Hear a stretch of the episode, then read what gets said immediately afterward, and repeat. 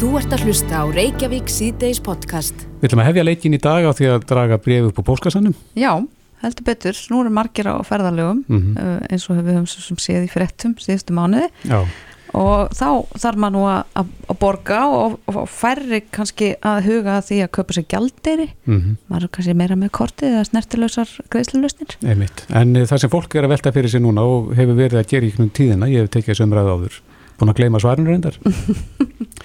það er þegar að fólk er elendis í Veslun og er spurt að því hvort viltu gera þetta upp í íslenskum krónum eða gjaldirinum eða gjaldmiðlunum á staðinum. Já, einmitt. Hvort er skinsamlegra að gera, velja krónirnar eða til dæmis efrur? með einhvern veginn grunar að það væri manns eins mynd en Já. ég er ekki viss. Nei, við erum komið með sérfræðing í málinu, Björn Berg Gunnarsson frá Íslandsbanka komin, velkomin. Já, takk fyrir það. Já, þetta er spurning sem að kviknar oft og fólk er ekki alveg með þetta á hreinu þegar það stendur í vesluninni, hvort það er að velja krónur eða mynd staðarins.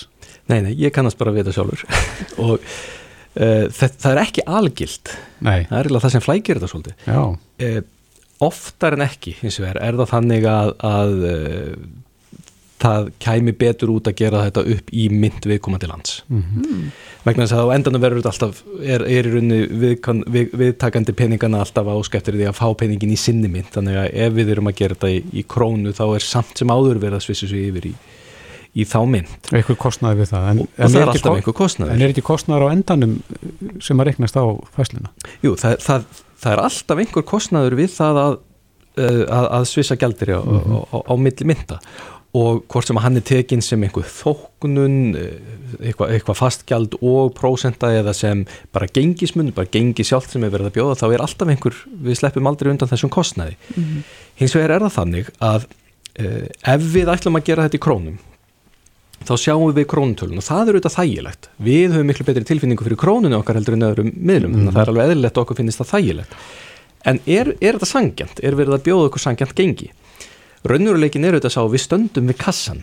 Mhm. Við höfum engan tíma til þess að vera setja okkur inn í þau mál sem við í rauninni samt sem áður þyrftum að gera til þess að geta metið hvort þetta væri hagkvæmt. Mm. -hmm. þess að við eigum rétt á því að fá að vita uh, hva, hvað gengið er verið að bjóða okkur og hvort það sé einhver önnur gjöld þarna á bakvið. En ég held að við séum ekkit endilega að fara að gera það og Nei. leggja mat á það og bera þetta tvent saman og Mhm. við kortagengi eða eitthvað slíkt. Þannig að um, það getur verið í einhverjum tilvíkum að það gæti verið ódýrar að gera þetta í krónu en, en yfirleitt skilst mér á kortafyrirtækjum og á þeim sem að, sem að þekki þetta betur en ég að það sé hagkvæmar að gera þetta upp í mynd viðkomandi lands. En af hverju er verið að gefa manni þennan valkost? Akkur, þar getur maður ekki, akkur borgar maður ekki bara í mynd viðandi lands? Já, það er góð spurning að því að einmitt, þetta er ekki alltaf, við fáum ekki alltaf þennan valkost en, Mhm. en einhver, stundum er þetta gert. Ég get alveg ímyndað mér að í mörgum tölugu þykir fólki mjög þægilegt að sjá allt svona í sinni mynd. Þá Mhm. hefur það meir, betri tilfinningu fyrir því hvað hluturinn er raunverulega að kosta. Mhm.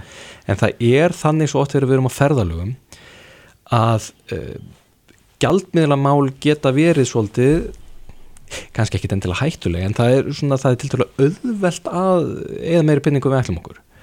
Og það er ekki bara vegna þess að í öðrum gjaldmiðlum höfum við aðra tilfinningu fyrir verðmæti hlutana, það getur bara verið erfiðar eins og við kannski könnum stundum við að við við komum heim sko eftir ferðalagið eða um kvöldu upp á hótel og, og sögum við, ég, ég finnst ekki að ég hef verið að eigða svona miklu, mér fannst ég ekki að hafa verið að eigða svona miklu. Mm heldur er það líka vegna þess að það, það, þessi kostnæður sem ég var að nefna sem er alltaf þegar við erum að svissa hann getur verið svo svakalega misjafn. Og það er til dæmis ef við ætlum á þessum tiltakna segjum við sem á veitingastæði í verslun og, og ætlum ekki að borga með korti heldur getum við með reyðufjö þá erum við væntalega búin að fyrir hraðbanka. En þá stöndum við fram fyrir sömu spurningu. Er, er verið að bjóða okkur sangjant verð Mhm. fyrir gjaldir inn í þessum, þessum hraðbanka? Og það getur verið mjög misjafn Er, er, er þá lausnin að fara aðeins aftur í tíman uh, kaupa sér gjaldiri áður maður fer einhver ákveðin upphæð sem maður ætlar að eyða og neka ekki frá því. Það getur auðvitað verið örug leið til þess að, að ég allavega passa sér á að fara ekki sko, lendi ekki í einhverju svona grefjum sko, eins og að detta á, á einhvern hraðbanka á fjölförnum ferramannastað sem er að rukka allt og allt og mikið eins og sumir, sumir gera.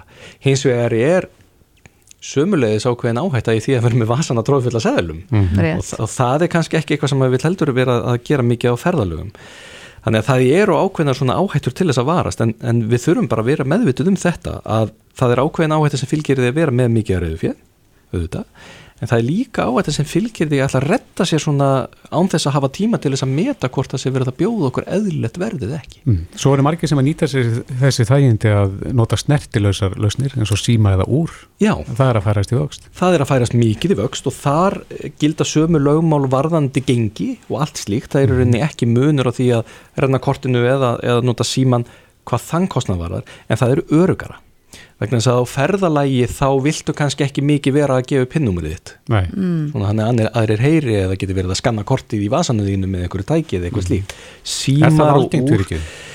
nei það er svo sem ekki al, algengt en, en Það sé verið eh, að skanna kort í vösum fólks. nei það er ekki Nei. algengt en það er það er vissulega, það kemur vissulega fyrir. Mhm. það er sannlega, það er alltaf verið að leita einhverja leiða til þess að reyna okkur. Það, það, það er vissulega þannig. E ef við notum þessar snerti lausu greiðslulausnir þá eh, er, ættum við að vera örugari í þessum daglegu viðskiptum heldur en með því að renna kortinu vegna þess að við erum ekki að gefa upp pinnumrið og það er ákveðin, það er meira öryggi í þessu ferli þar að segja í, í símanum sjálfum Mm en, en mér langar að spyrja þig út af því að þú myndist á uh, hraðbankar sem stundum taka allt og hágjöld er einhver leið til þess að sikta það út Já, þið ættuð að sjá það bara hreinlega þegar þið eruð að eiga viðskiptin. Eitt sem þið getið gert til dæmis er það að þið getið farið inn á bara vefsíðu ykkar banka eða sælabankunum eða hvað það er og séð þar hvað telst svona tiltöla sangjant gengi. Þá er það sögulökingið. Uh, já, Já. a- akkurat uh, og, og þá sjáu þið svona það þarf ekki að vera nákvæmlega saman en þá allavega hafið þið ákveðna tilfinningu fyrir þessu. Í öllum svona hraðböngum ættu það að sjá nákvæmlega hvað gengi verið að bjóða ykkur en líka hvort að einhver sérstöku kostnaði fylgir fæslunni sjálfri og þarna getur eins og segi verið mjög mikill munur og ef þið sjáuð einhvern, einhvern hraðbanka á uh, fjölförnum túristastað sem að kannski, þar sem er verið að reikna með því jætnvel að fólk bara rjúki í hraðbankan að taka út peninga í, í flýti og sé ekkert að velta mikið fyrir sér þessum málum þá eru þetta sá möguleiki fyrir hendi að þarna sé verið að selja gældirinn allt og allt og dýr Mhm. það er hættulegt og auðvitað eru við kannski líka bara það er gaman að við erum í útlöndum, við erum að flýta okkur eða jætvel í glasi eða hvað þetta er og, og erum ekki mikið að velta fyrir okkur að, að, að fara hérna inn á en, það er, það er örugar að alltaf að taka sér auka 30 sekundur aðeins í að kanna þessi mál. Já, ég tengi mjög mikið við það að ég held ég hef aldrei kíkt í hraðbanka á gengi eða einmitt farin á sælabanki til þess að sjá hvað við með. Þannig að ég held að það sé mjög margir að núti sem að já, er að vakna upp í vondan draum Já og kannski hafa það, svo ég beiti því við að hafa það kannski líka í huga, það getur verið praktist ef við eru bæði með debitkort og kreditkort á ykkur og eru það að fara í, í hraðbanka til dæmis í útlöndum að nota kannski freka debitkortið Mhm. það getur verið ódýrara en að nota kreditkortið Já. Í hverju fælst þá munur? Það er bara svona verðskrafnar sem að fylgja nútkunni á þessu já. að, að, að það getur debitkorti verið ódýrara uh, hins vegar er það þannig að eh, getur mögulega verið að kreditkorti ódýrara vegna þess að það er ekki færslugjald Mhm. það er ekki borga fyrir hverja færslu. Já. Svo er það stundum að, að það eru ákveðin svona, eh, ákveðin lámark fjárhæð varandi nótkun á einhverju. Að ef þú ætlar að nota einhverja tiltekna lausn eins og, og rafræna lausn nei, snertilausar lausn í útlöndum að þá þurfi þá sé ákveðin lámarks fjárhæð það er bara ágætt að vera búin að kanna þetta á maður fer út og þá förum við inn á vef okkar banka eða kortafyrirtæki þannig sem kortið okkar er og sjáum svona hvernig alla reglur eru og allur kostnaður er og sömulegis hvernig tryggingarnar eru því að það er líka mjög mikilvægt það mm. eru lúmst miklar tryggingar sem fylgja greiðslukortum, svo kreditkortum og það eru tryggingar sem geta komið sér vel uh, á, á ferðalöfum í útlandum Akkurat. En ef við streikum undir, uh, svona varandi fyrstu spurninguna, hvort að fólk eigi að velja erlendan gjaldirinn eða, eða gjaldmiðlinn eða þann íslenska, þá svona oftast ætti að velja staðar gjaldmiðlinn. Já, akkurat, einmitt það, Björn Berg Gunnarsson frá Íslandsboka kærar þakki fyrir spjalli takk fyrir. Þú ert að hlusta á Reykjavík C-Days podcast. Já, heldum áfram hér í Reykjavík sítiðis og já, það er hafinn ákveðin rittdeila hér á skoðanastíðu Vísis uh, Þorbjörg Sigri Gunnlaugsdóttir þinkona viðreistnar skrifaði pistil í gær Mhm. og var í bítunni í morgun til viðtals við þennan pistil sem að beri yfirskriftina tíu ára óvissuferð í bóði Bjarna. Og það er verið að vísi Bjarna Benditsson fjármálaráðra Já, og hún er nú ekki par sátt hvernig haldið er á, á fjármálaspilunum nei, en Bjarni svara þessu með uh, pisli sem að byrtist inn á vísi.is undir skoðun í dag uh, með fyrirsögninni Gömul, Sannindi og Ný. Emmitt og Bjarni Benditsson er á línunni góðan að blæsaðan daginn Bjarni Já, góðan daginn. uh, dregur þetta saman fyrir okkur gömul sannindi og ný, hvað meinar með þessari fyrirsögn? Já, mér finnst ágætt að minna á það að það er nú alltaf að verkum gömul og gild lögmálum það hvernig við getum helst byggt upp lífskjörn í landinu. Það er engar svona uh, stýttri leiðir til eins og ofta gefið í skinn. Svo vilja menn lýsa vanda hverstagsins eins og við erum núna í dag að glýna við verðbólkum með því að slá upp einhverju mjög, einfald, mjög einfaldri mynd af því hvað er í raun og verið að gera og mér finnst nú að að stjórnaranstæðingar margir hafi verið að gera. Og ég er nú bara bend á það að þótt að það sé verðbólka núna sem að við þurfum að ná niður og getum ná niður að þá er staðan heilt yfir á Íslandi mjög öfunnsverð og útlutið mjög bjart. Og uh, ríkisjármálinn eru í góðum málum, við erum með skuldastöðu sem er öll að lagast, uh, afkoman batnar ár frá ári núna mjög verulega, við erum í uppbyggingafasa í okkar samfélagi um, og ef við tökum höndum saman og einblínum ekki á uh, einstaka þætti sem að geta aldrei einir og sér uh, laga stöðuna eins og við getum ekki uh, sagt sem svo að um, fjármála áallunin ein og sér getur bara snúið við þessari stöðu það þarf samhænt átak Hjá hverjum þá? Þá, þá, er, þá er engin ástæð til að vera með hennar bölmóð sem að mér fannst uh, byrtast í þessum uh, píslu hjá Þortbörgu sko. Nei, en þú talar um samstöðu, hverju þurfa að standa saman og að hvaða leiti? Já, ég rek það nú aðeins í þessari greinminni að uh, það hefur gefist vel þegar að mann leggjast á, saman á aðröðnar eins og til dæmis aftur við á sín tíma þegar allt var hér í upplausna á Íslandi og Við vorum að glýma við eh, sko óðaverðbólku á hverju ári og ég rekða reyndar í greininni að þannig var það nú öll mjög nýflastar ár. Og það sem menn gerðu þá var að taka höndum saman um að taka ekki meira út í kjærasamningagerð en innstæða var fyrir á hverjum tíma. Og það komu ákveðnar aðgerðir frá stjórnvöldum sem að stuttu við eh, gerð slíkra samninga. Og með þessu að þá tókst mönnum að berja niðurverðbólkuna hefja nýtt uppbyggingarskeið á Íslandi og við erum svona núna í dag aðeins að ná handanum.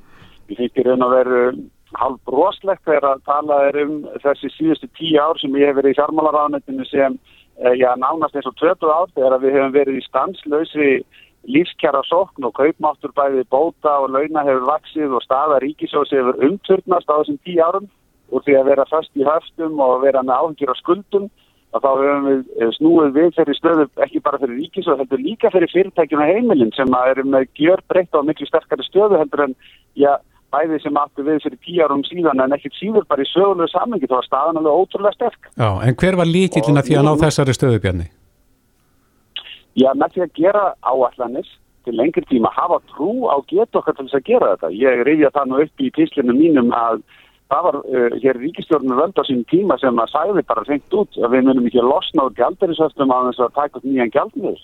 Við munum þurfa að leita náður Európska selabankans og uh, það kom ný ríkistjórn sem sæði að þetta, sé, þetta væri hægt með uh, íslensku krónuna sem grunn fyrir hækkerfunu og við fórum í aðgerðir sem að snýru þessari nokkuð þungustöðu við á, á augabræði við fórum sömulegis í markvísar aðgerð til þess að styðja stöðu heimilanna. Nú hafa heimilin tekið skattfærast út langt yfir 100 miljardar sérnesparnaði til þess að greiða nöðu skuldir. Við fórum líka í höfustóksleiðrætinguna og svo núna síðast erum við búin að bæta við úrræði eh, sem að sérstaklega nýti sem að tekju læri endanum með því sem að við kallum tilgrenda sérregn. Það er hluti lífeyrsparnað sem getur farið inn á húsnæðislam. Mm -hmm. En aðalatrið málsins er, er, er það að það er stór undalegt þegar að fólk uh, grípur til þess rás núna þegar að verðbólkan tímabundi hefur vaksið á Íslandi eins og hún er að gera um alla Evrópu og segir já þetta er alltaf maður vonlust nú mun ekki lagast hér fyrir næstir uh, jafnvel ekki fyrir næstir næsta kjörtíðandil eins og ég er að lesa hérna, þessar skoðanir og það sé nú bara uh, róta alls vanda líki í íslensku króninni og svo framvist. Þetta er uh, svona gammalt söngur sem er búin að heyrast ofta eitthvað bjátar á á Íslandi en það sýnir sig aftur og aftur, ef mann taka bara réttar ákvarðinir, aftur og aftur eh, hverja ákvarðin eftir annari, mm -hmm. að þá bara vinnum við okkur út úr svona stöðu og það munum við gera líka núna. En, en, taland um krónuna, þú hefur ennþá trú á krónunni? Það er sjálfsögðu, ég held að sé uh, gríðarlega mikið uh, mál fyrir okkur Íslendinga sem að við viljum, sem að viljum halda sko efnaðslu sjálfstæð okkar að halda sjálfstæðri peningastjórn í landinu og uh, það er rísa mál fyrir hækkerfi að gefa eftir sjálfstæðar peningastjórn og, og getur verið gríðarlega dýrkjeft ef mann missa stjórn á stöðunni. Já.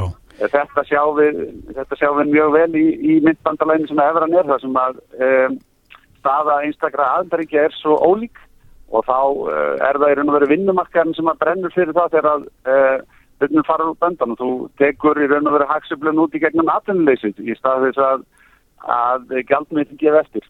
En Bjarni, það hefur líka verið bent á það, fyrir ekki, það hefur líka verið bent á það að við erum með tvær krónur í landinu, við fáum launin okkar í óverðtriðri krónu og svo eru skuldir margra í verðtriðin krónum. Já, sko, það er nú líkið latrið í þessu efni að fólk hafi frelsi og uh, að það er jákvæmt að margir skuli hafa getað flutt sig yfir í óverðtrið lán vegna þess að uh, að með því er fólk jæft og þjætt ef það getur staðið undir greiðslubyrðinni að e, greiða niður lánin og ekki taka lán fyrir í raun og veru e, afborgunum eins og á við í þessum verðrúð jafngreðslu lánum. En á sama hátt þá geta komið tímabild þar sem að verðbólgan gerir það verkum að greiðslubyrðin þingist og þá er gott fyrir þá sem að þurfa að halda að geta snúið sér í verðrúðan valkost. Það er það sem að sumir er að gera í dag og við sjáum það núna að það reynist mörgum heimilum léttara að eiga við stöðuna. Þetta er til, þetta er til skamstíma ágætt að geta gert en til langstíma þá þurfum við að styrkja betur vinnumarkas líkan á Íslandi, ná betur samstöðum það að það sé ekki teknar út launahækkanir langt, langt umfram það sem gildir í nákvæmlandum og umfram það sem að verðmætasköpunir í landinu stendur undir vegna þess að það eitt og sér kallar á verðbólku og þessi átök sem við sjáum núna hjá stjættafélagunum í landunum innan verkefæliseyfingarinnar þar sem að verðist ekki vera nokkur einasta samstæð eins og um að ASI hafi einhverju líkil hlutverki gegna í kærasamninga gerð. Þetta veldur því að fólk hefur minni trú á því að við náum tökum á verðbólkun til lengri tíma mm -hmm. og uh, er þáttur af því vandamál sem við erum að klíma við í dag. Mm. En þarf þá ekki bara eitthvað meira en þarf þá ekki eitthvað meira að koma til? Talar um að endur skipilagja vinnumarkaslíkanið og vera ekki með bara stanslösa launahækkanir en, en það þá eitthvað koma á móti til þess að auka lífskeiði fólks? Já, ef við bara notum eitthvað sangjarnan mæli hvar á það hvernig okkur hefur tekist að, að auka lífskeiðin eins og til dæmis bara hvernig kaupmáttur afstöðunatekna hefur uh, þróast yfir síðustu 5, 6, 8 árin, jáfnveil 10 árin þá teikna sér upp mjög jákvæð saga. Við erum með tímabil núna þar sem að kaupmáttur eru vaksið nánast á hverju ári og meira sé heimsvarandurinnum að þá var kaupmáttur vaksandi og ekki bara hjá svöfum, þetta er hjá öllum. En í augnablikinu þá eru margir sem eru með sérstaklega óverkri lán, geta verið í frengri stöðu þegar að vextirni koma til endurskoðanar og, og lánin sem geta þingst mjög í, í afborgunum hjá viðkomandi og, og við erum að segja við fjármálafyrirtækin landinu þau þurfi að koma með úrræðu til þess að mæta sér viðskiptavinnum vegna þessa. Og svo eins og ég nefndi á þann þá geta sumir jável valið þann valkost að fara tímabundið í, í verðri lán. Þetta er allt sem að horfa til skamstíma ég er að tala fyrir því að til lengri tíma og þá eigum við að nota tíma núna á milli þess að þessi kjæralóta klárast og svo næsta hefst til þess að um, leggja grunn að frekari stöðuleika inn í framtíðina. Mm -hmm. Við höfum notið nokkuð lára vaksta og verðbólgan hefur verið við markmið núna á síðasta áratug uh, nokkuð, uh, nokkuð stöðugt. Uh, það er frávik sem við erum að upplifa í augnablikinni, þannig að þetta er allt sem að vel hægt. Svo lengi sem mann reyngi að grípa til einhverja skindilösna og einhverja svona tafrabræða sem að aldrei eru líklegt til þess að leysa málinn til lengir tíma eins og upptaka nýr skjaldmiðils leysir sem hérna úrræði eitt og sér Nei, en menn eru samstæðan á, á, á vinnumarkaði En menn eru og fórkólvar í, í hérna verkalýsreifingunni eru fannir að tala um mm. það að það þurfa að gera úttekt á því hvort að krónan sé einfallega og lítil og rétti gjaldmiðlin. Norðmenn eru fannir að tala um það að norska hækkerfið er sennilega lítið fyrir norsku krónuna? Er ekki lægi að skoða þessi mál? Tónveitlisa. Það, það er ekki sinn og tónveitlisa að, að þó einhverju séu þeirra skoðunar í Noregi þá er það ekki almenn skoðun og ekki stefna ríkistjórna þar í langan tíma að, að losa sig undan gjaldmiðlunum. en um, þið nefnir það að, að sumir verkefnisfóringjar á Íslandi vilji, vilji meina við getum gert betur og, og, og þá finnst mér nú sko mikilvægt að við að minnstakosti viðkennum uh, sko mældar staðurindis eins og þá að uh, lægstu laun á Íslandi eru með því uh, með því sem best gerist í Evrópu. Hér er mikill laun á jöfnudur og kaupmáttur bara hvort sem notar meðaltekjur eða lægstu tekjur og jáfnveil kaupmátt bóta er bara með því besta sem gerist í Evrópu þannig að lífskjörin á Íslandi á nær alla mælikvarða eru fram úr skarandi. En, en mætti þá ekki, ekki gera úttækt á gjaldmiðlum til þess að fá þetta bara reyndi eitt skiptur fyrir öll, og við getum bara hætta að, að rífast um þetta?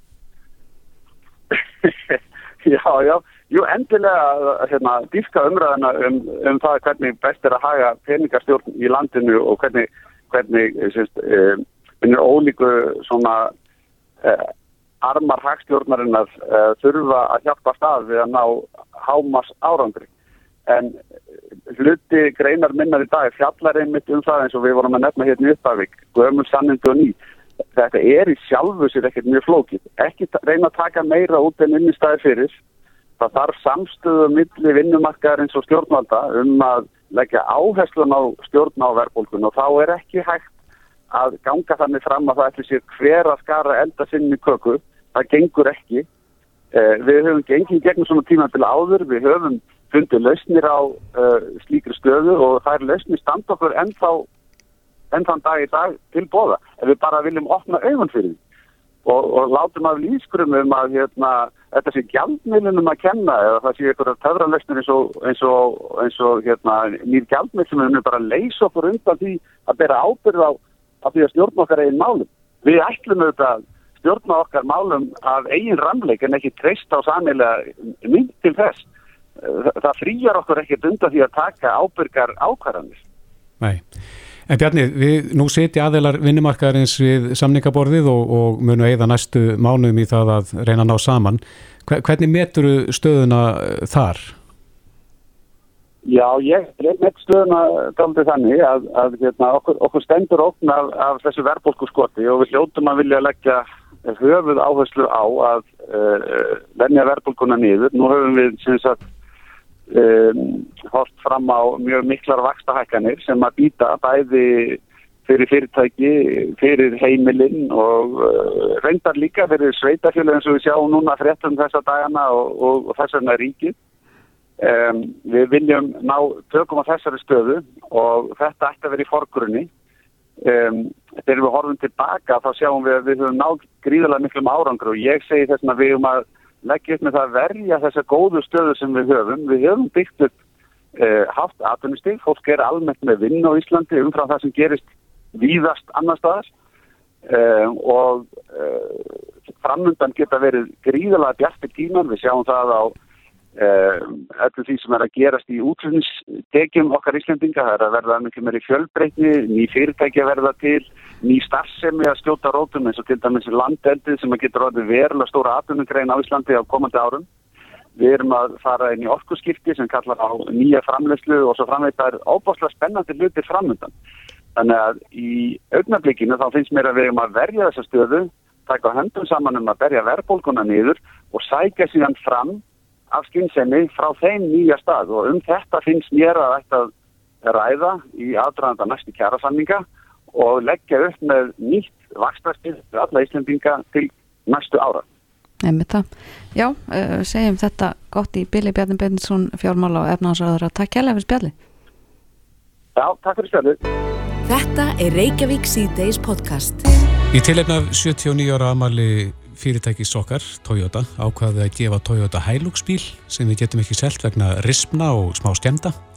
Allir bílar er í góðu ástandi, svo við sendum hann af handahófi til einhvers sem deilir fæslu og skrifar til Hamidju til 15. april. Svona hljóma fæsla sem að lauraglann á höfubrókarsvæðinu var að við. Já, það eru 5.500 deilingar, 3.300 aðtóðasemtir og þessi fæsla er ennþá á Facebook, ennþá hægt að deilinni og skrifa aðtóðasemtir þráttur ég ímynda mér að það sé nú búið að tilkynana sem einhvers konar svindl Já, akkurát Og hann kemur nú stundu til okkar til að ræða þessi mál, uh, Gísli Jökull Gíslason, rannsóknu laurglumæður hjá laurgluna höfubrukarsæðinu, velkomin.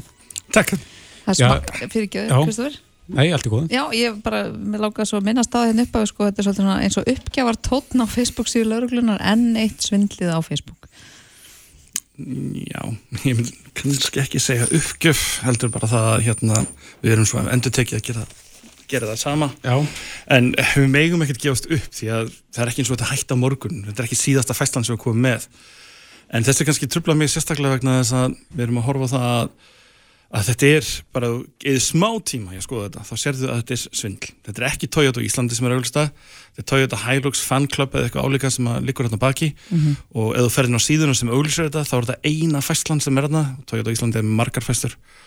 En fólk í hugsunleysi er að dreifa þessu bara og samtekja þetta og, og þá gerist það kannski að ég sé þetta og Kristoffer og bara já, ég myndi að taka þessum leik líka. Og þá er ég fann að dreifa en hvernig gengur að, að fá þetta tekið niður?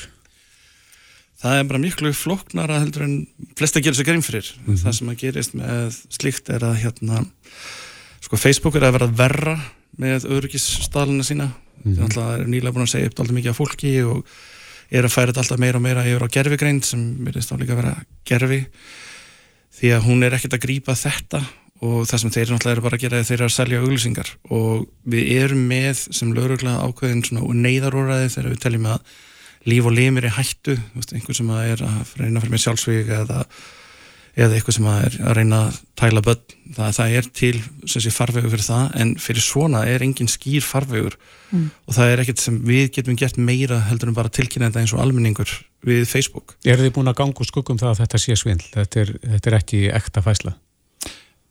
Já, uh, fyrir utan það að það er auglust ef við fyrir að skoða það, þá vitum við líka það að Toyota er búið að tilkynna að þetta er alls ekki frá þeim Nei. þannig að við vitum bara að fyrir víst að þetta er ekki hérna alveg fæsla. En, en er þetta ekki freka meinlöst? Það er bara beðum að skrifa aðtöðursem til hamingi við fæsluna og maður getur unnið bíl hver, hver er hættan þarna? Það sem ég reikna með að muni gerast í framhaldi er það að þeir fara bara yfir listan sem eru með og segja síðan öllum að þeir hafa unnið þetta haldið í lengdu en þú þarfst að gera eitthvað smá skráninga upplýsingar fyrst og þar að ég fara bíluna þeir eru örgulega að leita upp að sem er sennilega bílinu svona 10-12 þúsund og fer kannski upp í 200 þúsund. Þannig að einhverjum tímapunkti verður þetta reynd og þetta er ekki allt þetta fólk að fara að falla fyrir því.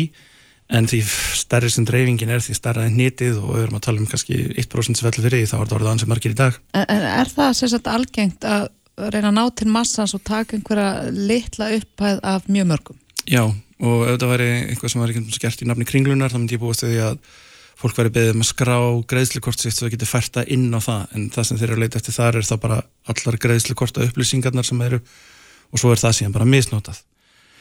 Það er kannski rétt bara að segja að, að hérna, fólk þarf að vera orðið svo rosalega vart um sig á netinu og samfélagsmiðlum og Facebook er langt í frá að vera örugt svæði. Að þetta er eiginlega orðið jarðsprengisvæði þú, þú, þú þarft að fara að temja þér smá hugsun, horfa á eitthvað. Ef það er daldið of gott er að vera satt gangtu það bara út frá þessi svindl og skoða það eins og ef þið líst þá ekki á það, þá áttar það að þetta er bara svindl. Og fólk þarf að þjálfa þetta orðið upp hjá sér því að það er ekki það er svo auðvelt fyrir glæpamann að skrá inn á Facebook, þeir skrá sig á fullskum forsendum, þeir kannski skrá þetta sem blómabúð eða hvað sem er annað, þannig að algoritmin grýpur þá ekki. Þessar, þessar sjálfvirku öryggisæðferði myndi ekki döga og glæpamenn er að vera mjög fljóttir að læra á það. Það Þetta er vandrataði vegur af því að fyrirtæki eru svo sannlega standi í svona leikjum og gefa vinninga. Hvernig, hvernig getur við séð munin? Þetta er ágætlega orðað Þetta er mjög þessum. fínt orðað ég reyndar veit ekki til hvort að tóið 79 ára á Íslandi ég, það, ég er efinsendur um það en það sem að er þarna þú sérð, skoða bara slóðina það er óöðilegt letur í þeim sem eru auglista og þetta er Toyota Hilux Fan Club það hljómar ekki eins og Toyota Íslandi Nei. en þú þarfst ekki annan að klikka á síðuna skoða hver er bakvið hana Mhm. og þá sé- kemur þú bara nú síðus með, með bara nánast engum fæslum og það getur ekki verið og með sá að rétti aðlið því að ekki einhver sem að áður búin að til í ákveðin tíma bara alls ekki Þannig eru 5.000 fæslur. Er, er það, eh, vekur það upp áhyggjur hjá ykkur að, að svona margir sé að ganga í þessa gildur? Já, ég skrifaði tilkynningun í dag bara rétt, eftir 11 þá vorum við búin að sjá þetta og, og þá var þetta eitthvað til kringum 2900 fæslur sem voru komnar, við sáum allar tilkynningar og svo skrifum við um þessa viðvörun. Síðan þá er þetta næstu búið að töfaldast það er bara, þetta er fólk vil oft trúa því sem að því langar til að trúa og þetta fer algjörlega þar inn. Og svo veistu kannski bara að sjá þetta hjá einhverjum öðrum og þú hugsa bara, já, hann er að taka þátt um leik, því ég var alveg til að vinna Toyota og ég held að allir vilja vinna Toyota en, en þannig er það bara sem sé, það er einhver annar sem er á baki og hann er að nota þetta, það eru svona leikir á netinu og hann er að treysta á að fólk sé hugsunarlust í þessari dreifingu mm. og síðan vonandi að það verður hugsunarlust aftur þegar að það er tilkynningum það að það sé búið að vinna gengt í að það skrái kortið sitt eða borgi einhverju upp að eitthvað Ve Veistu hvað, út af því að þessi fæsla er ennþá upp, hún er búin að vera uppi núna í 11 klukkutíma um, veistu hvað er, það er marga til þess að tilkynna svona síðu, til þess að hún sé tekið niður? Nei, ég er ekki mynd neina tvölu sem er þar, en við höfum hitt örgistjóra Facebook sem er ferð fyrir Evrópu sem hún er komið til, til Íslands og við höfum alveg rætt þessi atriði við hana en það er ekki eins og það sé einhver svona stór skrifstaf með mörgum starfsmönnum sem tekur við svona tilkynningum og svona tilkynningar eru afkvæmdur einhverjum dögum eða sendur inn eftir óframlega leið nema við höfum þetta að líf og líf með sér bókstallega hættu þá höfum við þá framhjálið við höfum ekki framhjálið fyrir þetta mm -hmm. Þyrti svo leið að vera til? Já, eh, það er að segja fyrirtæki sem eru með samfélagsmiðl allar að vera með öðrugan samfélagsmiðl þá verður að leggja öllítið meira í það að tryggja það að þeir sem eru notendunínir sé einhvers konar öruga umhverfi mm -hmm. en þá voru líka að hafa í huga það að Facebook sem sé þú farið það sem borgar fyrir og það kostar ekkert að skrá sig á Facebook og það náttúrulega opnar á alveg rosalega marga möguleika mm -hmm. fyrir þá sem að skrá sig ólöglega og síðan fyrir hitt að hérna, þjónlistan er náttúrulega í samræmi við það að þú borgar ekki fyrir hana mm -hmm. Er einhver hópur sem er genkeftari fyrir svona heldur en, heldur en aðrir? Er, er einhver hópur sem er sérstaklega viðkvæmur við, við, fyrir netsvindlurum? Já, við erum alveg með hóp á Íslandi sem er viðkvæmur fyrir netsvindlurum og við erum alveg að mæla það að, að svona í svona stórum umfáðsmöklum svindlum þá erum við að horfa á hópin sem er að koma eftirleina aldur og þeir, fyrir, og þeir sem eru eldri heldur en það.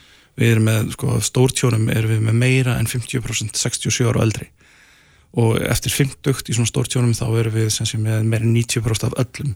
Þetta aftur á móti er á allt, allt öðrum lista, þetta er hérna því sem bara fylgjast þess með svo í dag ég er búin að sjá að vinni mín á öllum aldrei er að deila svo og, og hérna þetta, þetta nær allt, allt annars konar dreifingu en talandu um hitt sko þá erum við með bara tiltölulega nýlegt mál sem ég má tala um að vissu leiti að því að við komum til að gafa leiði fyrir. En það er sem sé maður sem er á eftirlun aldrei sem tapaði yfir 70 miljónum á innáðu tveimur mánuðum ah. í nettvindli og það er alveg rosalega tala við hefum séð sambarlega tölur en aldrei á á svona stuttu tímafélag eins og gerðist. Og, og það sýnir hvað glæpamenn sem stundan að stunda að glæpa á netinu eru orðinir vandaðir og þróaðir og miklu fagmenn í sínum glæpum að þeir eru alveg búin að þróa nálgun við fólk og ná eiginlega eins og nú er þetta bara orðið viðkomandi að heila þóan mm -hmm. bara... Getur þú sagt í hverju þetta svindl fólst? Um, ég get sagt að byrja á Facebook það er sem sé, þarna er það sem við kallum fjárfæstasvindl það er það sem er að gerast þar er að það kemur svona auglýsing á Facebook að þú getur grætt rosalega mikla upp að þér eða þú skráir til einhverju fyrirtæki. Og fyrir þá sem eru eldri á Íslandi þá er þeir enn grandlausari fyrir því hvað er auðvelt að ljúa á netinu.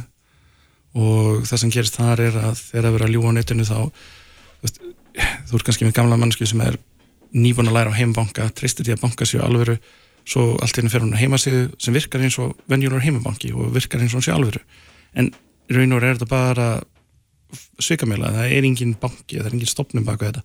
Og einu peningarnir sem er að fara með handa þarna eru peningarnir sem við komum til sendir út. Því að það er ekki verið að fjárfesta það er ekki verið að köpa rafmyndir, það er ekki verið að gera neitt það er bara að vera að stela af fólki. Og það sem gerir þetta sérstaklega hafkvæmt fyrir þá sem stundar þess að glæpi er að, að það er tilturlega auðvöld að flækja það hver, hver þú ert. Það er sem ég er auðvitað að rekja hver þú ert og síðan jáfnvel þó við höfum einhver þá erum við kannski með upplýsingar með eitthvað sem er stattur í landi sem er svo fjarrir okkur að, að það er mjög örfitt að gera nokkuð meira með þær upplýsingar með þess að við erum ekki að fá fólk framselt frá Asíu eða Afriku til Íslands til þess að, yfirherða eitthvað svona mál og, og hérna svo þurfum við bara stór alþjóðlega saminu þar sem að einhver sem hefur bólmækt þess að reyna úr eldastuð viðkomandi í því landi.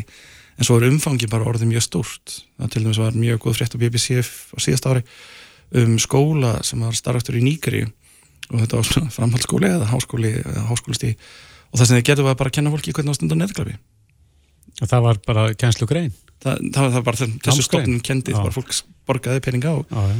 og fekk síðan sín tæki og tól og aðferðir til þess að svindla fólki. Já. E, Það er nú mikið talað um gerfigreindina þessa dagana sem er, er orðin alveg mögnuð. Eru þessi glæpamenn fannir að nýta sér gerfigreindina til þess að gera svindlin fáaðri?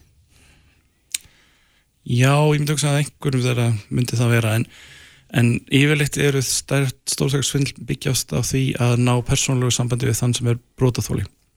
Þannig í raun og veru er þetta ekkit svo óseipa mörgum öðrum glæpum sem við þekkjum að það er ekki tölvubúnaðurinn, það er ekki forritin sem er að klikka, það sem er að yfirleitt að klikka er að þeir ná í viðkomast að lekkin sem er hinn mannlegi notandi og þá er þeir líka með og í flestum svindlum sem eru stórtæk þá byggja þeir eiginlega alltaf á því að þeir séu að fara að ná símtali við þig. Þú- þeir þurfa að ná persónulegri nánd, þeir nota ekki bara tölvupósta eða spjallhópa þeir, þeir vilja gætna ná þér þannig að þú fi- upplifir þá sem vinn þinn. Er, er þetta alltaf tapað fyrir? þetta er að stærstu leiti alltaf að tapa fyrir og það kemur líka bara því að við búum í heimi þar sem að peningaflutningar eru mjög snöggir en aftur þá verðum við aðeins að horfa á þetta frá augum þeirra sem eru gerendur sem glæpa menni sjálfur að til að vera með vel hefna við netsvindl þá þarfst að vera með leiði til að leggja út marga öngla til að grípa á rosalega stóran hóp í einu eins og til dæmis verið með í dag. Þar eru við með mjög stóran hóp. Af því að það er ekkit allir þessum 5500 sem er búin að deila þessu sem er að fara að falla í þá grifja að fara að skráða peningaflutningar að senda peninga. En ef það er bara prósent að þeim þá því stærra sem hitti er því Já.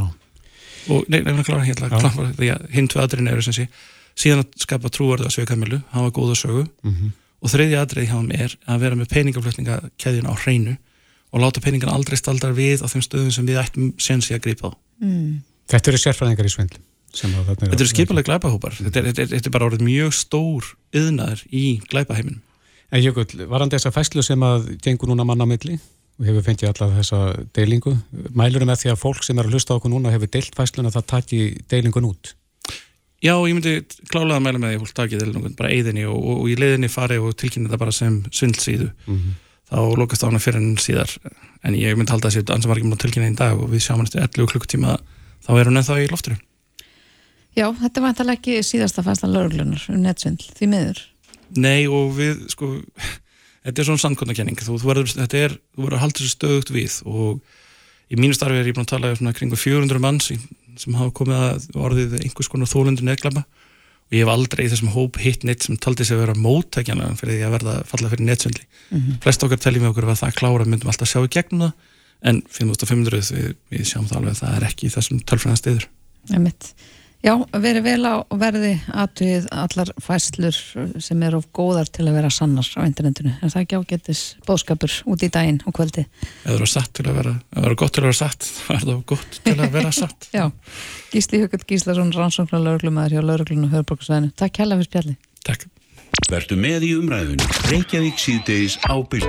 Þetta er Reykjavík C-Days podcast. Þú þessi neðarkvöld. Já, já, það hefur borist í mín bæði ef ég auðvitað fylgst með umræðinni og svo er það borist bara beint til mín og ég bara móttakið og, og skiljanlega. Þetta er auðvitað uh, erfiður uh, sjúkdómur, erfiður viðregnar og, og, og, við fylgjumst náið með uh, öll, öll, öllu því sem er að gerast í, í sko, meðferðar möguleikum og, á lifjum eins og er í þessu tilvikið og það voru þetta berast tíðindi nú, nú er það þannig að Norðurlöndin hafa fylgst að í þessu.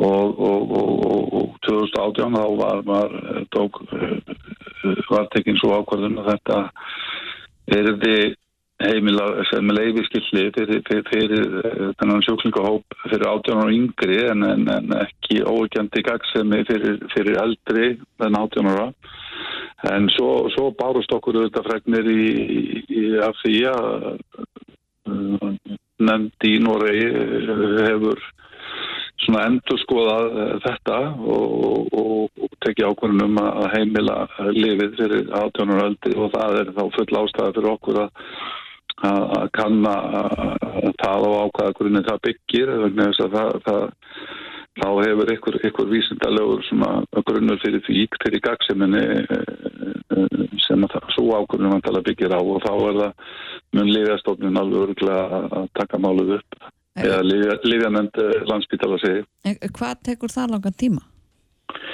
Ég, ég skal ekki fötur um það, við erum auðvitað með mjög, mjög okkar færustu sérfræðinga auðvitað tögalegna og, og, og, og enn á spítalunum og svo í, í nendinni sjálfur þannig að það... En kerfi vinnur ótt á ráða snígilsins, við þekkjum þá, við höfum heilt marga sögur Já, ég held að, ég held að í, í þessu tilviki uh, uh, hljóttur og, nefndin að vinna í satt og, mögulegt er en, en það fylgst reglubundi með þróun mála á þessu, þessu sviði Já, það er gott að heyra og, og við búum mjög vel við eigum gríðarlega færa sérfræðinga hérna og þetta flestum sviðum helbæðisjónustunar og, og, og, lífjanendin er, er mjög meðvitað um, um, um þróunna í, í, í, í varandi þessi lif annars vegar þetta eru, þetta eru nú tvö lif sem eru í umræðinu annars vegar spinnur asalif og, og, og, og, og svo Ever City þannig að, ég held að sé uh, já, já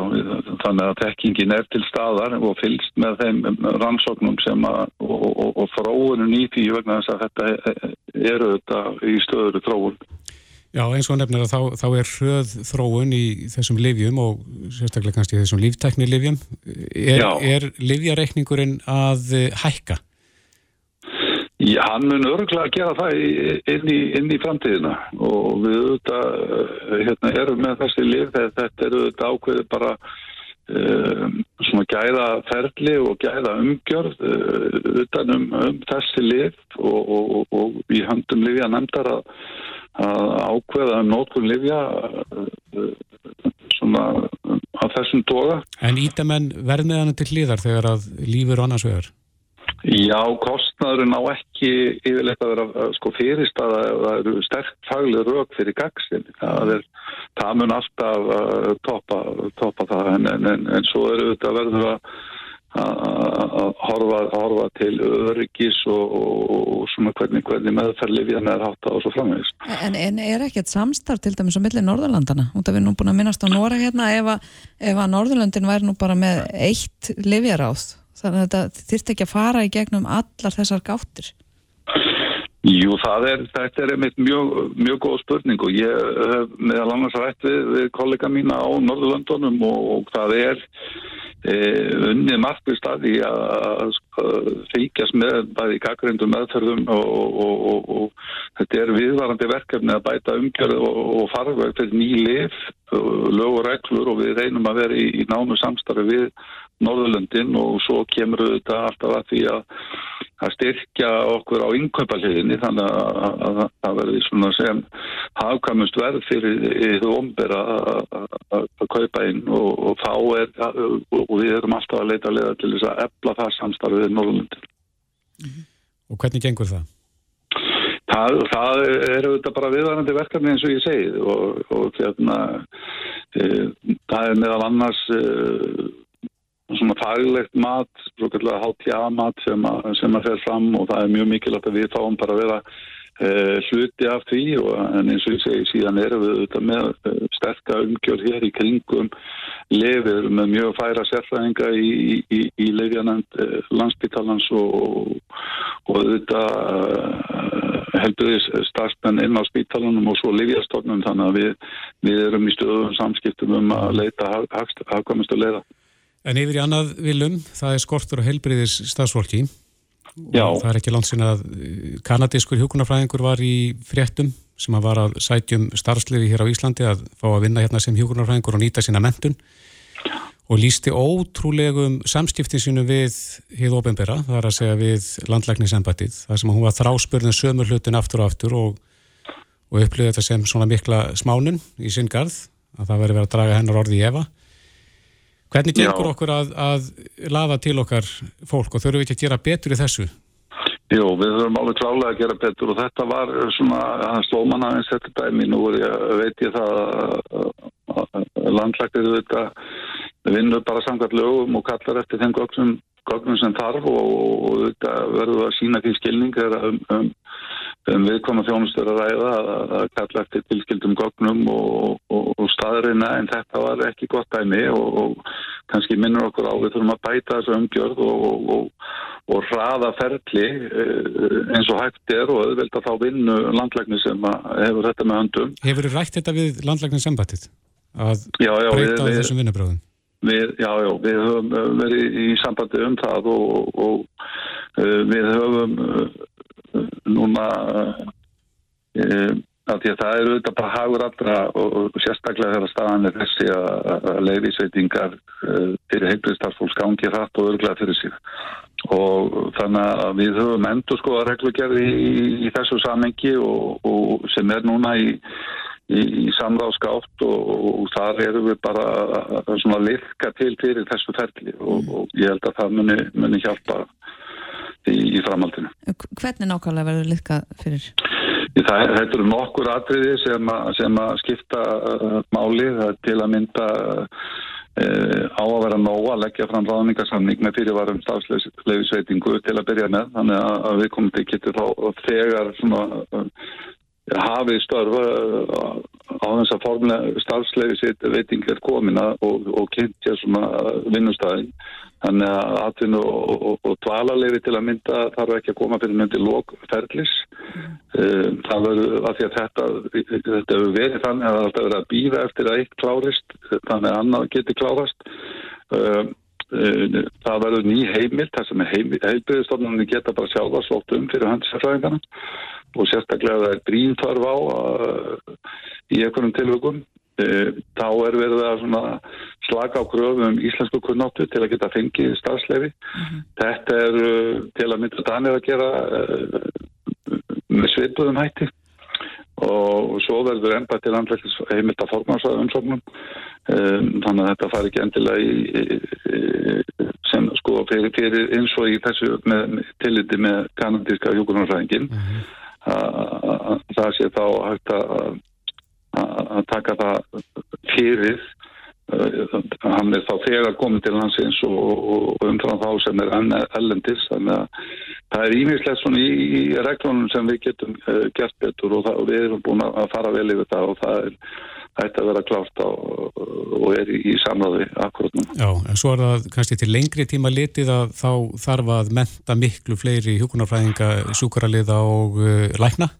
Já, við erum einmitt uh, með það bara í, í, í vinslum í samráði við uh, bæði háskólar á þeirra og, og, og mentamáraður og, og gagvart þessum starfstjættum bæði að fjölga þá fyrsta ásnefnum og svo eru við að byggja upp í, í kringum uh, náma og vettvangi og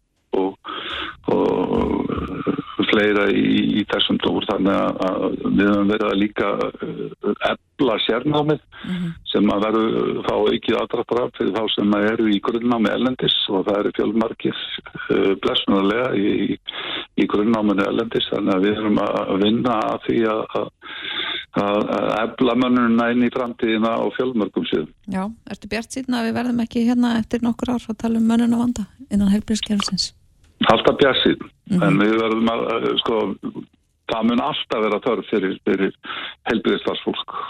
Já, nefnir það. Þetta er eiginlega verkefni. Viljum Þór Þórsson. Þetta er viðvarandi verkefni. Viljum Þór Þórsson, helbriðisráðara. Takk kærlega fyrir spjallið. Gangið við. Já, miklu frekar. Takk. Reykjavík síðdeis á Bilginni podcast. Já, þá vantar klukkuna 14 mínútur í 6 mm -hmm. og við ætlum að fara að ræða um kvikmynd sem að margir sem er á leginni heimúlvinnunni hafa séð mm -hmm. oftar en þeir hugsanlega kæra sum það er Frozen. Einmitt. og hann hlær Gísluð Gatharsson, leikar og leikstjóri sem er sestur hérna hjá okkur, velkomin. Takk fyrir. Er þetta ekki nokkuð góð lýsing á þessari kvikmynd? Jú, ég er einn af þeim, ég mitt, man ekki hvað ég hef hort á myndina Frozen með dóttur minni þegar hún var yngri hún, hún, hún sogar uh, börn að sér, þessi já, bíómynd já. en hún er líka með afskaplega skemmtilegan endi sem maður býst ekki við Mjög Sistra kærleikurinn mm -hmm. já, þetta er, þetta er frábær saga og hún alltaf sækir arfsinn líka sko til Hási Andersen í Danmörku snædrottningarinnar þannig að þetta er alltaf líkum mjög nálægt okkur og okkar, okkar sögu sviði þannig að þannig að mér fannst það nú bara að vera vel við hæfi þegar í, í viðræðum við Disney var, var, var bóðið að fá réttina þessu öll á Norðurlandunum að Sóttist þú eftir því að fá réttin eða leituð þeir til þín? Þeir leituð til mín. Já. Hérna, Hvernig tilfinning er það? Að fá þetta reysa fyrirtæki? Það er náttúrulega svolítið svona hérna bara maður er náttúrulega svona upp, upp með sér eðlilega. Eh, þetta er náttúrulega eins, og, og, og þetta er náttúrulega ris, ég menn þetta er okkur stærri en Íslenska ríki En þú ert að fara að setja á svið sem sagt eh, söngleik, er það ekki? Jú. Eh, Sem er byggður á, á Frozen. Jú. Eh, og byrjar í Norri. byrja í Nóri og það er hérna þetta var sem sagt sko tilkynnt í dag á öllu Norðurlöndunum að þetta væri að fara í gang og hérna og, og bara miðasalan hófst í dag í Oslo og mm. frumsýningin er þar strax í oktober þannig ég verði að æfa þetta þar í haust og svo verður þetta í þjóðlugúsunni hérna heima feb í februar, frumsýnum í februar hérna heima. Ísland nummer tvö. Íslandum og tvö. Mm. Þú þurftur að benda á það. En ert þú að leikstýra sem sagt? Já, ég er að leikstýra og, og vinna þetta alveg sem sagt frá hérna, grunni. Handriti náttúrulega fylgir og, og hérna, tónlistin eins og við þekkjum hana með bara Let It Go og Do You Wanna Build a Snowman og allt þetta. Og Bræði Valdimar er að gera nýja þýðingu á þessu öllu saman. Þannig að þetta verður mjög spenn, spennandi að sjá hvernig það kemur allt saman út.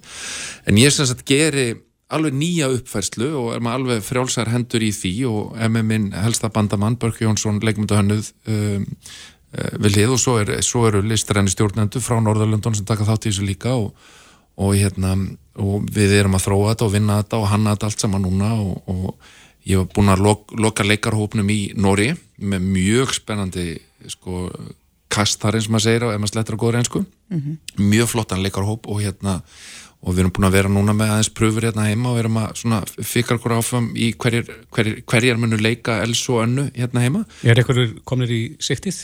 Já, þetta eru náttúrulega sko þetta eru mjög erfið lög sem að Elsa og Anna syngja.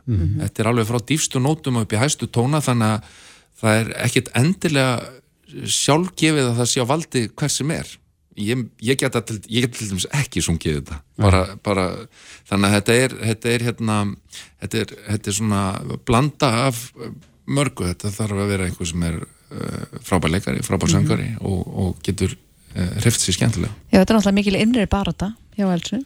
Já, já, og, og hjá önnu líka og í, í söngleiknum eru sko 12 lög sem eru ekki í myndinni. Þannig að þetta er alveg sko þetta er, er, er, er, stórsýning hvað það var það sko. Mm. Og, og þetta er mjög skemmt það er náttúrulega frábæra personur í þessu bara eins og snjókallinn og, og hérna og þær tvær og, og, og, og allt þetta þannig að þetta, þetta er, þetta, þetta er fjölskyldusaga mikil, mikil fjölskyldusaga fyrir, fyrir já, börn og fullurna En, en hvernig leysið þið reyndir? Verður reyndir á sviðinu? Já, en það verður leikið af leikara þannig að hérna, og, og það náttúrulega getur verið mjög skemmtilegt að leika, leika dýr sem að segir ekki mikið en, en leikur samt alveg ótrúlega mikið hérna á bara sviðbreyði og, og, og, og líkamlega reyfingar og ég er náttúrulega margar af mínum sýningum hafa náttúrulega verið í þessum anda, svona lí, líkamlegar og ég, svona fimmleika bakgrunnum minn nýst vel og, og ég er svona búin að fykta eins við sirkus í gegnum, gegnum árin líka þannig að þetta Er Disney að sækjast eftir því? Þe? Já, þeir eru náttúrulega búin að sjá mjög mikið af því sem ég hef gert og sko samtalið hefur eh, sko ég hef, ég hef alveg talað við þá áður og, og ég, ég veit alveg að þeir hafa verið að mæta sumstaðar út í heimi á síningar sem að ég hef verið að setja upp og þannig að hérna en, en svona þegar þeir höfðu samband og, og voru með svona titil í huga sem vildi að myndi gera þá þá svona kannski datt mér ekki strax í huga að þetta væri þessi, ég menn þetta er sölu hæðsta Disney kvikmynd held ég allra tíma. Þetta, er, þetta er náttúrulega resa titill sko og hérna þannig, að- þannig að það er mjög gaman að fá þetta auðvitað upp í endunar En maður velti fyrir sér sko svona þinn ferill, Shakespeare og Kafka og, og, og, Disney fleira í og þeim Exit og- Já, og, sko í Frozen sko, hvernig þurftur að hugsa þið um Já, ég, já, ég þurfti þess og ég, vil, ég, sko, ég vildi lesa handritið fyrst og sjá hvort þetta sko kveikti í mér af því að hérna um, tíminn líður hratt og maður vill geta hérna og maður vill gera verkefni sem að, sem að svona snert einhverja taugar í manni. Og þegar ég las handritið að þessu sem sagt, að söngleiknum þá er þetta, meni, þetta, þetta er mjög skemmtileg og mjög stór og, og, og góð saga þannig að ég, fann strax svona þennan fyrring sem að maður verður að hafa þegar maður þegar maður vilur að gera svona, ma maður finnur svona þetta verður gaman, þetta verður það svona það er- er einhver neistar í þessu og hérna og líka þetta svona, já, ég held ég geti gert þetta vel. Ef að þetta gengur vel, e, ertu þá að taka þér að setja uppfæslur upp út um allan heim? Eða... Neð, núna líka bara fyrir að gera þe- þetta á öllum Norðurlöndunum og svo hvort að hún muni eiga einhver líf þar fyrir utan verður eiginlega svolítið að koma í ljós. Já. það er, en það er í sjálfu sér ekkit markmiðið heldur að, að gera það. Það er, samningurinn er um Norðurlöndin og ég held að það sé nú bara alveg alveg hellingur, svo ég frosti nú ekki yfir mig. Já, en í hvað röð tekur Ég ég byrja, byrja í Oslo og svo verður hérna, svo er Ísland næst og svo koma Stokkólmur, Helsingi og Danmörk í kjölfari en það, það er aðeins lengra í það, það er svona 2025-2026 og þá eftir að raða tímaröðun á því. En hefur þú þá tíma fyrir eitthvað annað Já, á þessum árum? nefnilega sko. Þannig að þetta er allt, allt mjög vel útpælt þannig að ég væri nú ekki væri nú ekki búin að svona ha- handjátna mig í Disney heimi næstu árin. Mhm. en, en næsta ár verður tóltið svona þetta hérna í Oslo og Íslandi. Og svo þegar ég er búin að lenda þeim sýningum vonandi svona þokkarlega þá, þá er svona framhaldið náttúrulega aðeins auðveldara þegar maður er að fylgja svona, svona þessari sín sem maður er búin að búa til hér Þú ert byrjað að undirbúa það ekki að þið uh, ekki hérna verbúðina, nú er tvö Já, já, svo vil maður hafa tíma til þess að vinna það líka samhliða sko. Hva, hvað takið þið fyrir í seríu 2? Ég get sagt þér að þú eru slekkur á mikrofónu.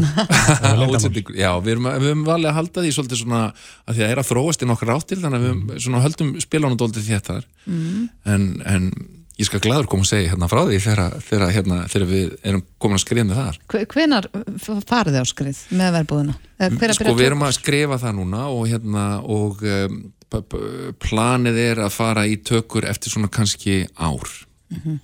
það væri svona eðlu tími Getur þið sagt okkur hvort að þarna verði sömu karakterar? Já, það verða einhverjur af sömu karakterunum, já. Mhm. Það er alveg á hreinu. Ok, þannig að síðast eru sérstinn á tölum við um Exit Já. Uh, og núna er að tala um Frozen og verbúðina er eitthvað fleira svona á döfinni? Já, það er náttúrulega, já, við við erum að fara að gera sem sagt um, sjó, sjónvarsýrjum Vigdísi Fimboðdóttur líka. Það er hérna, uh, hún Rakel uh, Garðarsdóttir, sýsti mín, hún er þar aðal framlegandi á samt uh, henni Ágústu og, og Björn Hlinu leikstýri því. Og þetta er leikinn? Ásamt, já, leikinn, fjóra þáttar serja og hérna og Tinnar Hafstóttir leikstýri og, og, og Nína Dögleikur Vigdísi. Þannig að ég held að þetta stefn, þau stefna á tökur núna í haust. Jáhá. Ég kem nú ekki mikið nálægt því en svona e, tengist þessu náttúrulega aðeins bara út af Vesturporti og allir því sko Mhm.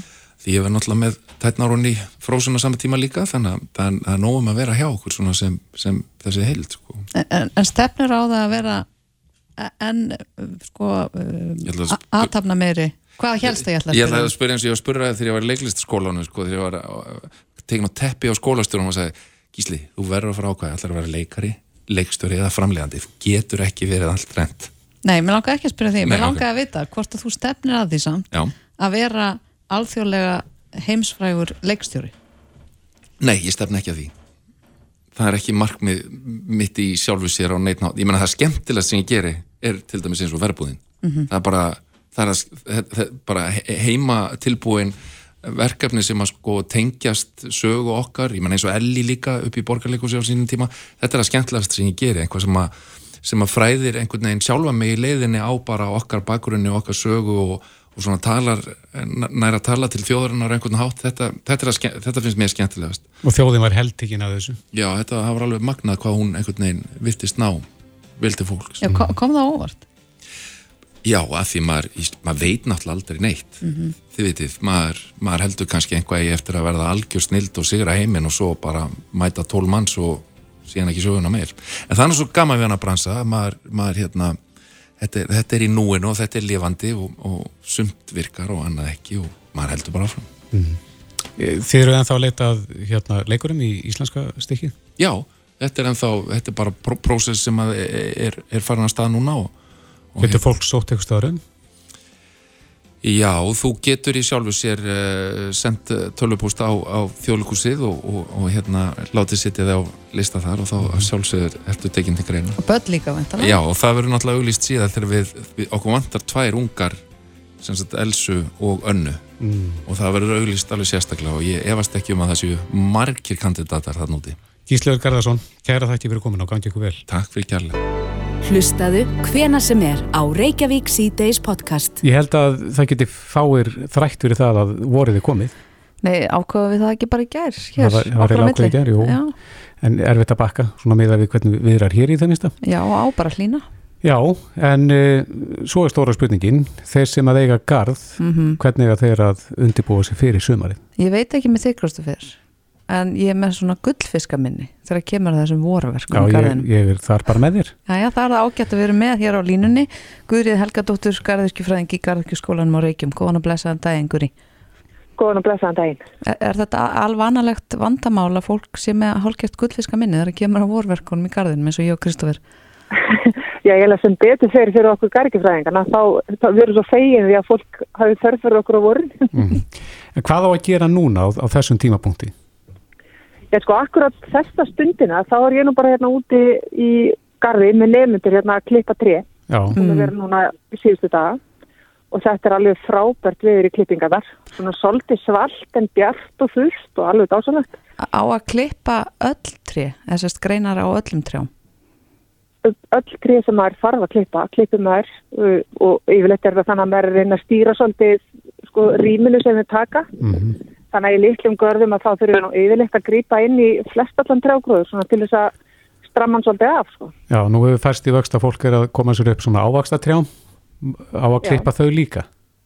Þá klippa þau líka og þá klippum maður svona með tilliti til þess að, að e, blómsbrotarnir fáið góða byrtu Mm og plönturnar þær taka ekki alltaf mikið rými og það reynum við líka þær þannig af að, að ávöxtunni séu í sveilingar hæð, eplin séu ekki þarna í 8 metra hæðinni, heldur meira svona svolítið neðar. einmitt. E- e- En er hægt að klippa of mikið? Uh, sko, já, já, það er alveg hægt að gera það en yfirleitt eru tré nú svo, og runna svo ótrúlega þau að þau, þau vaksa aftur. Mm Þannig að, þannig að við þurfum ekkert að vera nýtt rosalega stressið yfir þessu. Nei, en það er, það fristir á næturna, það hefur gert núna undanfarnar nætur í þeim mesta sumstæðar á landinu. Skiptir það máli? Já. Það skiptir ekki öllu máli fyrir plöntunar meðan það eru ennþá í dval og það er kannski kostur við tíma núna. Það er svona aðeins uh, svona strækustu runnar þar þeirra að kvikna svolítið Já, uh, en það er ekki komið svo langt á veg ennþá. Þannig að það hefur ekki slæma áhrif á plöntunar. Það eru vanar þessu vegufari. já. En hvað með þær plöntur sem eru inn í gróðurhúsum, til dæmis bara köldum gróðurhúsum? Ég þær eru nú flestar konar vel á stað því að það náttúrulega er heitar að fara á daginn og e, þá þarf maður svona aðeins að hafa það í huga ef að það er mjög kallt á nóttunni að, e, að til dæmis að verður mikið frost að þá þarf maður helst að setja eitthvað smá hita á húsinu á þessum tíma Mhm. vegna þess að viðkvæmir glænýr blómsbrotar og, og, og, og, hérna, og blaðsbrotar þeir geta farið ítla eða kemur mikið frost á nóttunni. Já, já. En eins og við segjum, það er frost í jörðu sumstaðar, þurfum við að hafa Já. einhverja áhyggjur á grasinu? Nei, engar á að gera grasinu. Það er, þetta bara hefur sinn gang alltaf, einhvern veginn. Þú veist að maður eiginlega segja að plöntunar eru svona sem við bara íslendingarnir, þetta rettast alltaf. Mm En hvað með áburð á tún eða beð? sko, allar plöntur þurfum alltaf ábyrði að halda og við þurfum að, að passa fóra þær svona hæfilega, en yfirleitt erum við ekkert að fara að stað með ábyrði fyrir við sjáum að það er farið að grænka svolítið vel hjá okkur. Já, einhvern tíma, fyrir ekki einhvern tíma fekk þau ráð að, að það ætla að miða við sumadaginn fyrsta? já, það, ef að plöntunar eru farnar að stað á þeim tíma, þá er alveg fínt að gera að bera á, en yfirleitt er þetta ekki alveg svona snemma. Oftast erum við, allavega garðirkjum, en við erum ekki að byrja, mikið á, á ábyrð fyrir svona setnipartin í mæ, þegar gróðurinn er farin alveg á stað. Mm en, en þeir sem ætla sér einhvers konar ræktun, kartablugurættur, róur, þarfrandu göttunum, við þurfum að býða eftir því að, að frostið sér liði hjá. Já, sko til þess að setja allavega kartöflunar út í garð, þegar þeir sem eru nú harðastir í, í kartöflurektuninni, þeir eru farnir að láta útsæðið sitt stýra á þessum tíma og þá tekum maður útsæðið og setur það í bakka, hefur það svolítið björtum stað til þess að spýrurna verða ekkit óla langar og þær eru þá líka svona þykkari og, og, og sterkari ef, ef að útsæðið er haft á björtum stað og síðan passa maður bara upp á þetta og setur síðan niður þegar þeir að hlýna svona setni partir í mæja, upp og miðjum mæja yfirleitt. Mm Ok, þannig að þetta, þetta, eru- þetta er góðu tími þá fyrir uh, útsæðið. Það er góð tími fyrir útsæð og svo fyrir þá sem að vilja rekta sko kálplöntur og svoleiði svona matið sér sjálfur að þá er akkurat líka tími núna að fara að, huga sáningu á kálplöntunum. Þetta er bara besti tímin í það. Hvenar, hvenar verður þá uppstýra af því? Þá, sko, þá eru plöntuna tilbúnar til gróðusetningar svona mána mótin mæjúni. Þá er nú yfirleitt nætufrost hættan legin hjá og svo er þá bara ef að sumar er gott að þá getur maður fara að fá fyrstu uppskýra af kálplöndurinn sínum eftir maður setjum partin í júli en náttúrulega flestar svona stærri kálplöndur þetta er kannski lengri tíma eins og kvítkál og blómkál grænkáli það er náttúrulega ótrúlega harkert og duglegt og við getum mjög fljótt farið að taka svona neðstu blöðin af grænkálplöntunum og, og geða okkur á því góðmeti. Já, já. En svona varðandi ávaxtatriðina því að þau, það færist í vöxt að fólk er að koma sér upp slíkum trjám. Hvað, hvað er, er fólk að setja í þá gróðurhúsin sín eða í gardin í, þeim, í þeirri áttinni? Og sko út í görðum að þá er fólk nú kannski fyrst og fremst að horfa á eplatrén, þau eru nú svona fyrir daldi hargerð og eða svona hefur verið sett náttúrulega stólkaðan og, og, og, og solríkan vakstastaf, mm -hmm. eplatrén, jafnvel perur og plómur, stöku bjartínis aðlar eru líka með kirsuber, það er þá svona einhverjum eðal gummulaði stæði í gardinum og allar þessar tegundir ganga vel í gróðurhús. Nú í gróðurhúsum er líka e, vínviður, hann er alveg frábæri gróðurhús og gaman að fara inn í gróður svona, og fá í kvölduhúsi að fara síðla sumars og, og næla sér í, í vindaraklassana og það er laung hæð fyrir svoleiðsrektin hérna hjá okkur. Hann er líka mjög fallegur, vínviðurinn. Hann, já, en maður þarf að vera aldrei duglegur að klippa hann yfir sumar því hann vex svo svakalega. Akkurat. Nei, hérna. En, en mér langar svo að spyrja það með ávastatriðin út í gardi þeir sem er ekki með gróðrús. Eru þessi trið að bera ávexti? Það er ekki hægt að treysta alveg á það nema bara á svona allra bestu stöðum og þá er ég að tala um í gardinum að það sé solrikur og góður vakstastæður og gott skjól uh, og allt sem við getum gert svona til þess að reyna að hækka svolítið uh, hérna, hitan í kringum plöndunar, það stuðlar að við fáum aldinn. Mm -hmm. Það eru aðila sem hafa náð bara góður í færni í svona ræktun og er að fá nokkuð góðu uppskeru svona á hverju ári en það skiptir líka máli að velja hargerðirki sem að þóla íslensk veðufar og eru duglega að mynda aldinn á þessum stutta tíma sem sumarið er hjá okkur. Já, en fyrir þá sem að þurfa að, að færa handvirt frækotnin á milli, hvernig á að bera sig að því? Sko, það er náttúrulega gamla triksi hérna með vastlitapensilinn, en ég ætla að gefa greitt annað ennþá betra ráð og það er hérna þannig að e, Uh, ég tekki Gargi Blunda sem að ætlaði að fara að frjóka í gróðrúsunni hjá sér uh, á Östatrén, mm -hmm. fann ekki pensilinn en batnaböndina segði verið heimsóknum páskan og fengu páska eitthvað svona fallegum gulum páskaungar mm -hmm. þannig að Gargi Blundin tók páskaungan og fór og bar hann á milli blómana inn í gróðrúsi og nú er alltaf notaður páskaungi þarna vegna þetta bara virkaður svo sakalega vel Já, það er líka nót til að ungum Hvað ámað þá að pensla?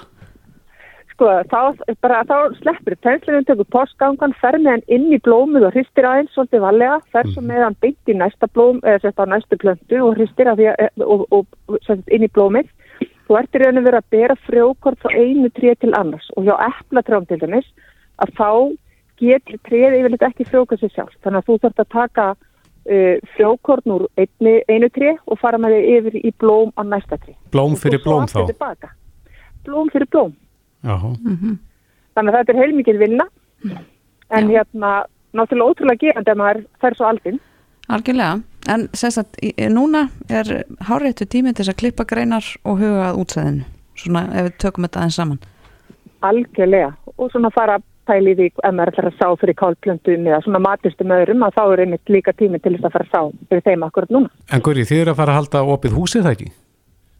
Jú, það er bara launghæð fyrir því að þessi opið hús hérna í Garðurskólanum og sunnataginn fyrsta, opið frá 10 til 5 og búið upp alls konar kaffi og vöflur og ímsa aftreyingu fyrir krakka, mm -hmm. græmitismarkaður og og hátíðadaska og þetta er alveg frábært og alltaf ekki að vera hérna hjá okkur. Já, æðislegt. Herðu, þetta hljómar mjög vel.